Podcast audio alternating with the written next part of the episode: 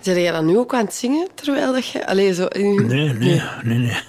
Zo ziekelijk is het niet.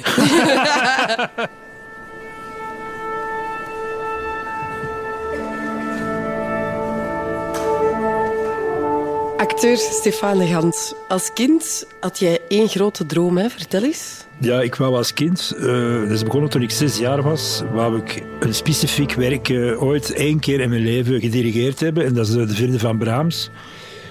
En dat is 40 jaar onveranderlijk gebleven. En heb jij ooit gedacht in die 40 jaar dat die droom wel eens werkelijkheid kon worden? Nee, nee. Ik was die droom dan ook vergeten en dan kwam die droom wel eens terug. Maar nee, nee, nooit, nooit.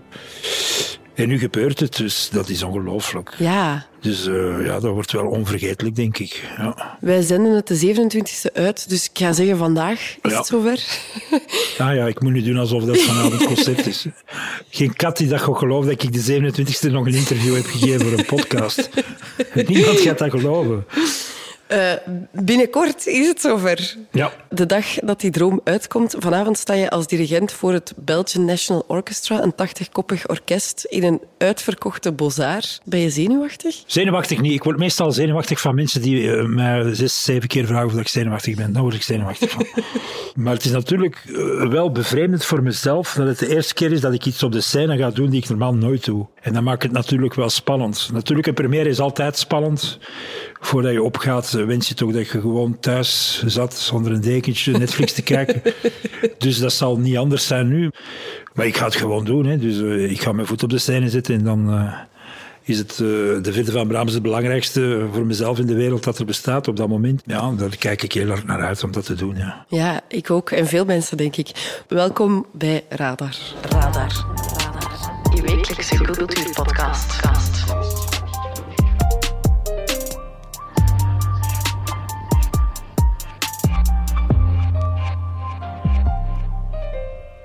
Ik blijf graag onder de radar, vind ik het leukste. Jij blijft liever onder de Ja, radar? onder de radar, dat is de goeie. En daarom maakte dan een vijfdelige reeks op Canvas. Ja, ik moest iets doen om ooit die vierde te kunnen dirigeren. Dus het motief was een vijfdelige reeks om, eh, om mijn alibi te kunnen uitoefenen. Ja, voilà.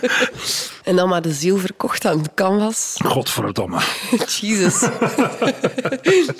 Ehm, hoe is uw liefde voor klassieke muziek eigenlijk begonnen?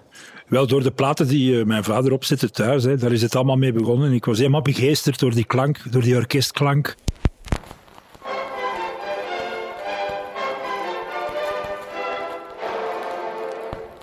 En dan met mij naar concerten, veel naar theater. eh, en, eh, ik wou sowieso acteur worden, dat was mijn grootste droom. Om eh, toneelspeler te worden. En dat is gelukkig gelukt. En, die vierde van Brahms, dat is zo'n sluimerende droom. Die blijft zo, goh, stel je voor dat ik dat ooit eens kan. Dat zou toch wel lekker zijn. Dat eigenlijk, ja. Maar het was geen droom om dirigent te worden. Het is mij ook niet te doen om, om, om, om, om een... Ook niet met deze reeks om eh, een grote eh, verborgen maestro in mij naar boven te brengen of zo. Er is geen vervolg. ja, dit is de stem niet. Dus de plaatselijke fanfares hoeven mij niet te bellen om mijn werk te dirigeren. Hoeft niet.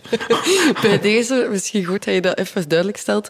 Maar je hebt wel muziek gespeeld, hè, samen met je Ik met heb je vroeger trombone gespeeld. Dus in een muziekschool, eh, heel het parcours van de muziekschool gedaan. En als trombonist. En eh, wel samen met mijn vader gespeeld in, in harmonieën. En eh, ja, was heel fijn. Zeker omdat je die verbondenheid voelt met andere muzikanten. Dat je toch samen muziek maakt. Zorgt ook voor een, voor een warm, fijn gevoel. En eh, dat was ook, dat herinner mij, ik, ik keek er wel altijd naar uit om daar naartoe te gaan. Maar ik speel geen trombone al 25 jaar niet meer, denk ik. Ik zou het ook niet meer kunnen. Maar je muzikale gevoel is wel nooit weggegaan. Ja, ik heb ook zang geda- gedaan. Eh, Ik heb eh, veel muziektheaterproducties gedaan, eh, waar ik ook in zong. En dus, allee, muziek is mij niet vreemd. Ik heb heel veel projecten gedaan met muzikanten, met orkesten. Dus het zijn ook de projecten waar ik, eh, waar ik zielsveel van hou om samen eh, met muzikanten eh, in een voorstelling te zitten.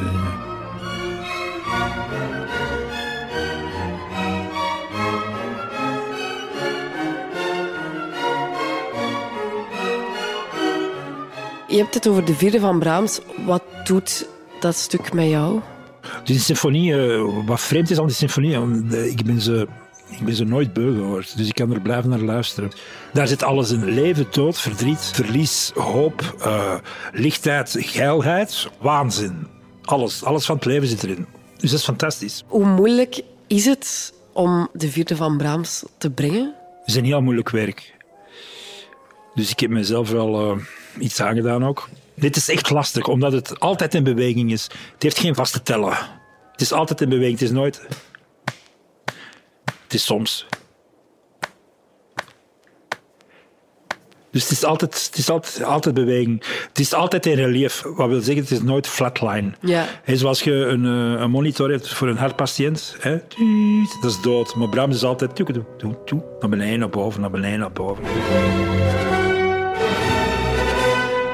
Maar dat zit wel allemaal in de muziek. Dus al die voorzetten of die inspiratie eh, zitten in de muziek. Dus dan moet je er alleen maar uithalen. En, en, eh, ja, dus dat is fijn. Hè? Dat is fijn, maar ook niet gemakkelijk. Want je hebt jezelf een jaar de tijd gegeven om je voor te bereiden. Heb je in dat jaar ooit spijt gehad dat je, dat je eraan bent begonnen? Nee, het liep lekker eigenlijk. Het is natuurlijk een televisieprogramma. Hè. Ze monteren zo dat er soms moeilijke momenten zijn. Maar het ging eigenlijk vrij vlotjes. Dat is allemaal zever, dat er ooit eh, moeilijke momenten zijn geweest. Ja, nee, daar zitten televisiemakers op te wachten. Hè. het is er niet gelukt. Eh, want je hebt het, alsof dat nog geen uitdaging genoeg was, heb je ook nog eens beslist om dat werk van buiten te leren. Ja, tof hè. Ja, omdat ik denk, ja, als je het dan doet, dan moet je het niet eens goed doen. Hè. Dus zoals op restaurant gaan, hè. dat gaat ook niet alleen een voorgerecht pakken, hè. dat pakt ook alles. En ook, eh, ik ben niet zo handig. Dus als ik moet dirigeren en dan nog eens grote bladeren draaien, Ja. ja, dat is vrij problematisch. En ik wil ook geen eh, buffer tussen mij en de muzikanten, dat er een uh, pepiter staat met uh, partituren. Ja. Het zit in mijn hoofd, hè, het werk. Ik kan het eh, helemaal neuren van begin tot einde. Dus dat gaan we nu niet doen, want dat duurt 45 minuten. Toen dat was mijn volgende vraag geweest. wil, je, wil je maat 80 tot 93 van het eerste deel neuren? Maar als jij een stuk, want je hebt het van buiten geleerd, stel nu dat je een stuk vergeten bent of, of er gaan een paar maten mis, gaat dan heel het orkest de soep in of niet? Nee, helemaal niet. Als dirigent kun je een hartaanval krijgen, die spelen niet. ja, een goed orkest. Maar dan kun je ook afvragen, ja, als, als het orkest toch speelt, wat is dan nut van een dirigent? Ja, ik denk hoe groter de groep of hoe groter het werk, hoe belangrijker een dirigent Ja. wel nodig. Als je met 80, als je natuurlijk een kamerorkest hebt, 20 man of zo, ça va. Ja. Die volgen de eerste viool en die spelen wel. Maar natuurlijk een groot werk, ja, die zitten zo ver van elkaar. Ja. Er schiet wel iemand nodig om ze te sturen. Kopers zitten zo ver weg van, van violen, eerste viool. Allee, Dus je hebt wel iemand nodig die die connectie tussen al die groepen Ja, ja, blijft het overzicht behouden, die het bewaart. overzicht bewaart. Dat heb je wel nodig, want anders... Ja. En ook nog interpretatie, om te zeggen van, zo wil ik het. Hij is ook de psycholoog, hij moet 80 mensen eh, tevreden houden. Ja, 80 individuen. Individuen echt, die er allemaal een mening over hebben, over dat werk, hoe dat, dat gespeeld moet worden. Ja. Maar toch moet hij zijn verhaal kunnen vertellen om die 80 mensen in dezelfde mindset te krijgen. We moeten een universum creëren dat alle muzikanten echt op de top van hun kunnen kunnen spelen. En welke accenten vond je belangrijk om te leggen? Of wat Ja, het eerste deel echt- is echt zo belangrijk. De eerste beweging. Zijn vier bewegingen. Eerste beweging zo belangrijk. Het is precies of dat je in een film zit. Maar je hebt de intro van de film gemist. Je hebt de aankondiging van de personages gemist.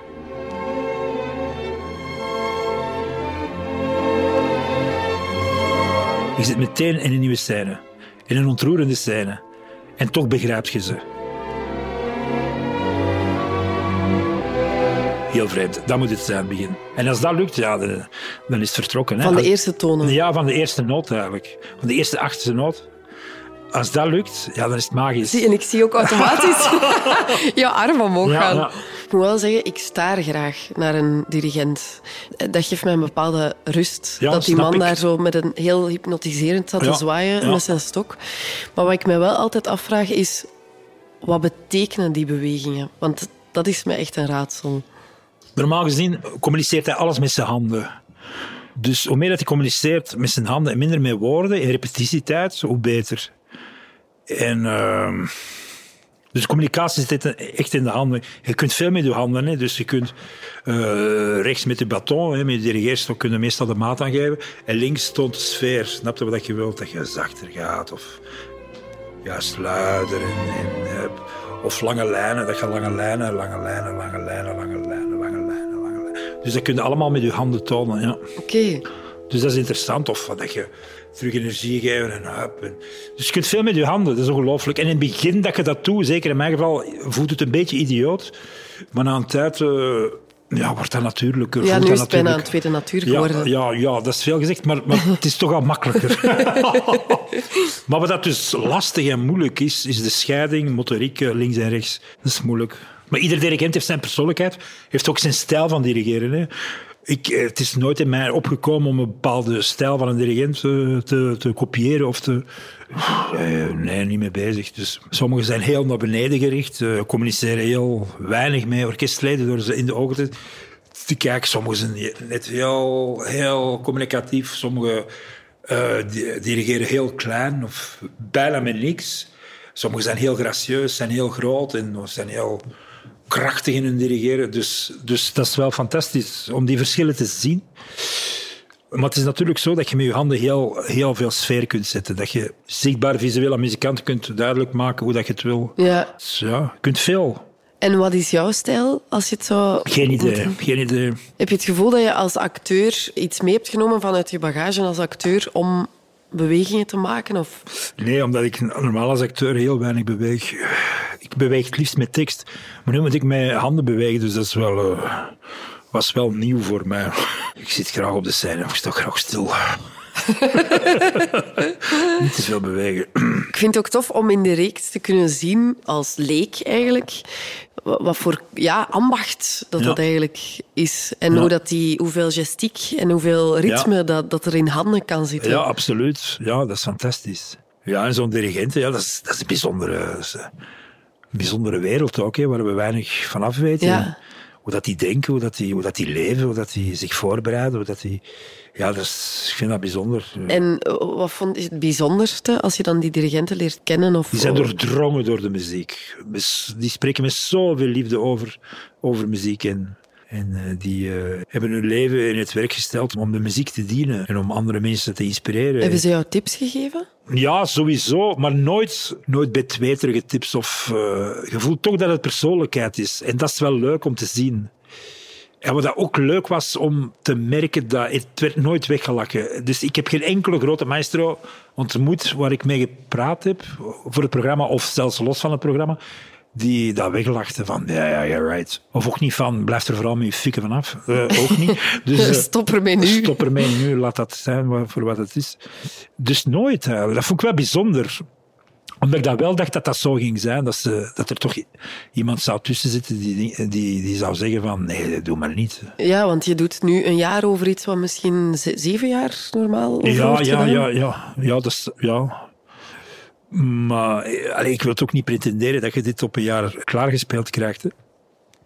Ik zeg het nog, eh, het, eh, het verhaal hoeft zich niet te verschuiven naar ik als dirigent. Nee, het gaat gewoon mijn, over mijn liefde van dat werk. En om het ooit één keer van dichtbij te mo- mogen horen en het zelf in de hand te hebben.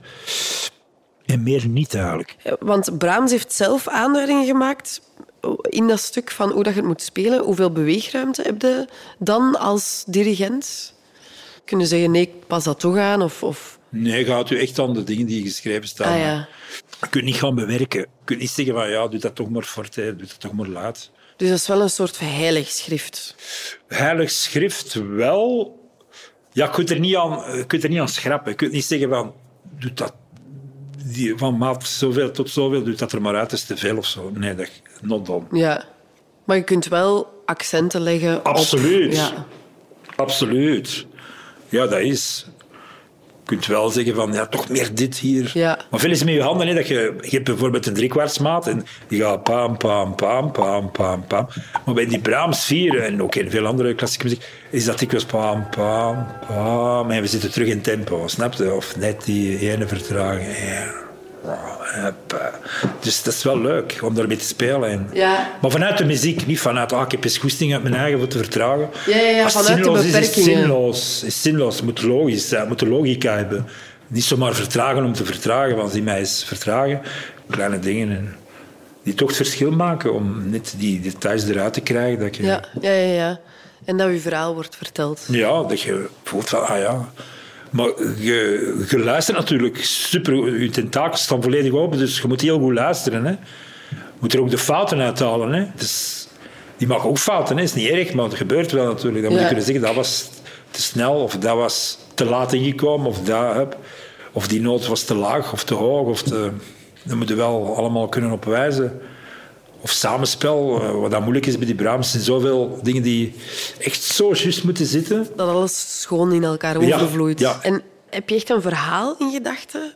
tijdens- Ja, maar niet zo. niet- dat, stelt, eh, dat is bitter weinig, hè. dat is maar een pink, hè, dat verhaal. En wat is dan het verhaal? Of de verhaallijn? De, Oh, de dat, pink? dat kan nog veranderen. Ik heb verschillende dingen in mijn hoofd, dus ik zal het wel zien op het moment. Want ik ben ook ontzettend impulsief als ik dingen maak. Dus eh, eh, ik zie het wel. Ja. Omdat ik niet weet hoe dat orkest gaat klinken. Dus ik kan mij zoveel dingen voorstellen van... Ja, ik wil het zo, qua kleur en dingen. Maar als die echt totaal anders klinken, moet ik ook meegaan op hun, eh, in hun vocabulaire. Ja, plaats van mijn eigen op te dringen van... Ja, ik wil toch... maar dan merkte, werkte met de dingen die, die, die voorhanden zijn en denkte van, ah ja, dat zou interessant zijn. Of die ene hobo, oh, dat die speelt, oh, dat is keigoed. Als er nog iets meer eh rubato is, vrij is, ah, nog beter. En dan kun je dan zeggen, op dat moment van, prachtig gespeeld, ik kan er nog iets vrijer. Pak maar uw vrijheid daar en ik volg u wel op dat moment. Ja. Dus dat kan, je laat je inspireren door mensen. Hè. Dat is eigen als je met mensen samenwerkt. Je kunt alleen niet met een orkest van 80 man eh, vragen, eh, toevallig, "En wat vind jij er eigenlijk van? Dus, want als je dat aan iedereen gaat vragen, ja, dan ja, gaat er weinig muziek spelen. Hè, want iedereen wil zijn mening hebben. En ja, je kunt toch niet voor iedereen goed doen. Er is geen enkele maestro die voor, een heel, voor alle orkestleden goed kan doen. Er is Nee. altijd eh, één tussen of twee tussen. Ja, ik vind het toch wat te traag. Of- En hoe gaat het daarmee om? Humor is het beste wapen. Ja. Ja. Dat is het allerbeste wapen. Je moet niet kwaad worden, want dan voed je ze. Of Ja, dat is waar. Waarom zou het ook kwaad worden? Maakt niet uit. Nee, humor is het belangrijkste. Maar ik heb geluk gehad met zoveel fantastische muzikanten samen te werken. Ja, die zijn alleen maar geweldig. Die willen alleen maar het beste van hunzelf Ja. op de scène spelen. Hè. Die zijn niet bezig met... ah, nee. Er gaat niemand in het orkest mij testen. Hè. Zo van, allee, we gaan eens, vals- we gaan eens zien in die. Dat is Ja. met het hoort of niet. Niet mee bezig. Waarom ook? Ja. Je moet alleen maar het beste performen op dat moment. Dus dat is kei leuk. En af en toe glimlachen en dan muzikanten, dat hebben ze graag. dat, ze goed, dat ze het gevoel hebben dat ze goed bezig zijn. Ah ja, maar dat moet ook. Kijk goed. Ja. En natuurlijk, mijn Mick doet veel. Hè. Daar, eh, dat, als je... Die gaat daarin mee. Hè. Zo moeten ze begeesteren. Dat die denken, ah ja. En dat zijn dan komen de noten tot leven. En is dat niet zo... Dat is zoals met tekst. Hè. Tekst komt ook tot leven. De, de acteur leert die van buiten. En, en hij doet dat zo Door dat ze voor de eerste keer worden uitgesproken. En door te doen, ja. En wat is, wat is het belangrijkste dat je tot nu toe geleerd hebt? Ehm, het is natuurlijk zo, het, het is, het repeteren is niet een luxe. Hè. Het is niet dat ik drie weken een heel goed orkest voor mijn neus heb staan, maar dat ik echt mij lekker kan oefenen. Nee, want het is Dus heel duur om die samen te krijgen. Ja, dat is ontzettend, dat valt niet te betalen. Maar, eh, nee, dus je dus gaat ik- twee dagen ja, drie repetities. Een middagrepetitie en een ochtend en een middag. Dat is niet veel. Nee, dat is zoals een echte dirigent het ook maar heeft qua tijd. Dus daar moet ik het ook mee doen. Dus in mijn geval is dat bitter weinig. Maar ja, zo be it, hè. Eh, dus ik heb niet de luxe gehad om te conditioneren met een orkest. Dat totaal niet. Dus ja, eerst zal dat gewennen zijn. Hè. Zij moeten wennen aan mij, ik moet wennen aan hun. En dan eh, nou, zo ver mogelijk proberen te geraken. Maar eh, ja, ik heb er wel goede hoop in. Dus, eh. Maar het mij ook... ja, het is mijn droom om het te doen. Achteraf zal mij ook worst wezen wat mensen daarvan denken. dan denk ik toch, ja, ik heb het kunnen doen. Dus maak het uit. Dat is eigenlijk het belangrijkste van allemaal. Maar ja, tuurlijk, het is mij ook nogmaals niet te doen om, om zie de Gant eens dirigeren of zo. Nee. Het gaat mij veel meer om te doen, wat heeft de Gant eigenlijk met dat werk en waarom wil hij dat werk doen? En als dat hoorbaar is die avond, dan is het geslaagd. Veel meer dan van, wauw, zie hem daar dirigeren. Interesseert me niet. Omdat we al in een tijd leven dat iedereen toch veel, en daar is niks mis mee, maar het is mijn wereld niet, eh, zijn eigen identiteit moet propageren op een scène of pretenderen op een scène of moet uitleggen op een scène. En ik vind het ook eens goed dat, dat het via een werk kan zijn dat je persoonlijkheid eh, dingen, uit respect voor het werk en voor de componist. En voor de muzikanten uiteraard, die dat spelen op dat moment. Daar je persoonlijkheid mee prijsgeven, lijkt mij interessanter dan iemand die eh, opkomt en zegt van ik ben eh huppe de pup. Maestro de Gans. Ja, en de serie moest een naam hebben, dus ja, dan is het maar die naam geworden. Ja. Geen inspraak gehad. Eh, nee, nee, nee. maar ik kijk er enorm naar uit. En, eh, en ja, we zien wel. Hè. Perfect zal het niet zijn, maar dat hoeft ook niet. Dus Wat, wat is het ergste wat kan gebeuren eigenlijk? Niks, als ik het zo hoor. dat ik echt eh, gigantische diarree heb en ik kan ook komen. dat het via een livestream van op de pot gaat gebeuren. Nee, nee wat, het ergste, nee, er kan eigenlijk niets fout gaan. Ik zeg, de muziek is zo fantastisch. Dus het materiaal is er al, dus ik kan niks fout doen. Echt niks. Want de muziek is geweldig, dus... Moest het, eh, moest het materiaal echt bagger zijn en Ja, je moet iets proberen, proberen recht te trekken, ja, dat is problematisch, maar het begint al met een probleem. Maar nu begint het echt niet met een probleem. De muziek is geweldig. Ja, ja, het kan alleen maar beter worden. Het kan alleen maar beter worden. Ja, slechter gaat het echt niet worden. Dus dat is goed, hè? Ja. En de mensen gaan een fantastische avond hebben met een werk dat ze misschien niet goed kennen of ooit van gehoord, maar niet live hebben gehoord ooit. Ja, dat is toch geweldig dat je dat kunt delen met je publiek. Ja. Dat is ongelooflijk. Het doet mij wel plezier door het programma dat er wel mensen meer geboeid zijn geraakt eh, door klassieke muziek. En die toch denken, ah, het hoeft niet altijd zo oudbollig, stoffig, conservatief, elitair te zijn, maar toch, ja, het trekt ons toch wel aan naar meer. Het is toch lekker. En we willen toch iets meer proeven. En eh, mensen zijn dan ook eh, ja, we vinden het ook fantastisch om daardoor nog nieuwe dingen te ontdekken in de klassieke muziek. Ik kwam een vrouw tegen over laatst hier op de markt. En die zei, ik ken, ik ken een beetje van klassieke muziek, maar niet zoveel. En ik kende de vierde van Brahms totaal niet. En eh, ik heb het opge- opgezet thuis, in de, in de versie dat jij zo mooi vindt. En eh, ik, ik was betoverd. Dus dat is dan wel leuk dat je via de muziek toch eh, bepaalde schoonheid kunt overdragen aan mensen die je niet kent. Ja. En eh, ja, dat is toch fijn dat dat toch iets voor. Dus het hoeft niet altijd makkelijk te zijn. Het mag ook eens iets moeilijk zijn of iets minder evident, om dan toch daar de schoonheid in te vinden. Dus dat vind ik. Vind ik je hoeft niet altijd dezelfde deur open te doen, maar je kunt toch eens nieuwsgierig zijn en denken: oh, wat zouden zich achter die deur eraf spelen? En misschien ben je een beetje bang van het feit, wat- omdat je niet goed weet wat je achter die deur afspeelt, maar toch denkt ah, ik ga eens doorlopen en toch die deur open doen. En misschien, misschien, heel misschien, zit er iets heel, heel mooi achter die deur. Kan. Ja, dat is een mooie metafoor. Eh, Ik ben gek op metaforen. Ik ken er nog één. Nee, dat was het. ah ja. Straks sta je dan op die bok voor het orkest. Ik wens jou alle succes van de Dat is wereld, heel lief. Dat is heel lief. En ik hoop dat ik niet van die scène val. Want ik, ik, heb, er, ooit twee keer gespeeld in de Bazaar. En de eerste keer was ik bijna van de scène gevallen. Tijdens het opkomen. was ook met orkest. En ik, oh, en ik dacht, ik, ik, ik lag bijna op de eerste rij. Ja, dat is minder diep dan dat je denkt. Dat is heel raar. Dus je denkt, ik heb nog plaats. Ik lag er bijna. Dus eh, ja, vreemd. dus ik hoop dat ik er niet afval. dat zou wel een slecht begin zijn. En ik heb een mooi kostuum, dus dat is ook al goed. Hè? Hoe ziet het eruit? Eh, ja, heel sober. Ik wou ook een sober pak, dus geen gedoe. Niet compenseren met, met een pralinewinkel rond mijn lijf. Dus eh, dat komt heel goed. Niet je eigen gezicht van binnen Stel laten voor. borduren. Ja, narcistische dirigent. Maar dat is ook wel een schoon zicht als je dan vanvalt. Dan hebben we nog iets om naar te kijken. Ja, dat is waar, maar dat gaan we niet doen. Dat is geen optie. Vallen gaan we niet doen, nee. En eruit vallen we hopelijk ook niet met de muziek. Nee, dus niet vallen en die eerste tonen goed krijgen en dan komt dat goed. Ja. En het mooie aan het werk is dat het vertrekt uit stilte. Dus ik begin er niet aan voordat het stil is. Ah ja, ga je dat dan zeggen ook? Maar nee, ik ga niks zeggen, hè. maar ik wacht gewoon tot het stil is. En dat iedereen zijn verdomde telefoon uitzet, dat is ook al goed. Goe- Goeie boodschap voor iedereen die luistert. Stop die gsm weg. Pak Ja. hem gewoon niet mee. Nee, laat hem thuis. Breng je liefje mee, dat is veel leuker dan uw gsm. Maar praat er wel niet mee. Eh, met uw liefje? Nee, Ja. ook mond houden. Nee. dat moet toch lukken, hè? 45 minuten? Nee, vroeger gingen ze naar de kerk, moesten ze ook 45 minuten hun bek houden. Dus beschouw het als een hoogmis. Hoogmees van Maestro de Gans. Ja, stel je voor. Merci, Stefan. Met alle plezier. Met alle plezier.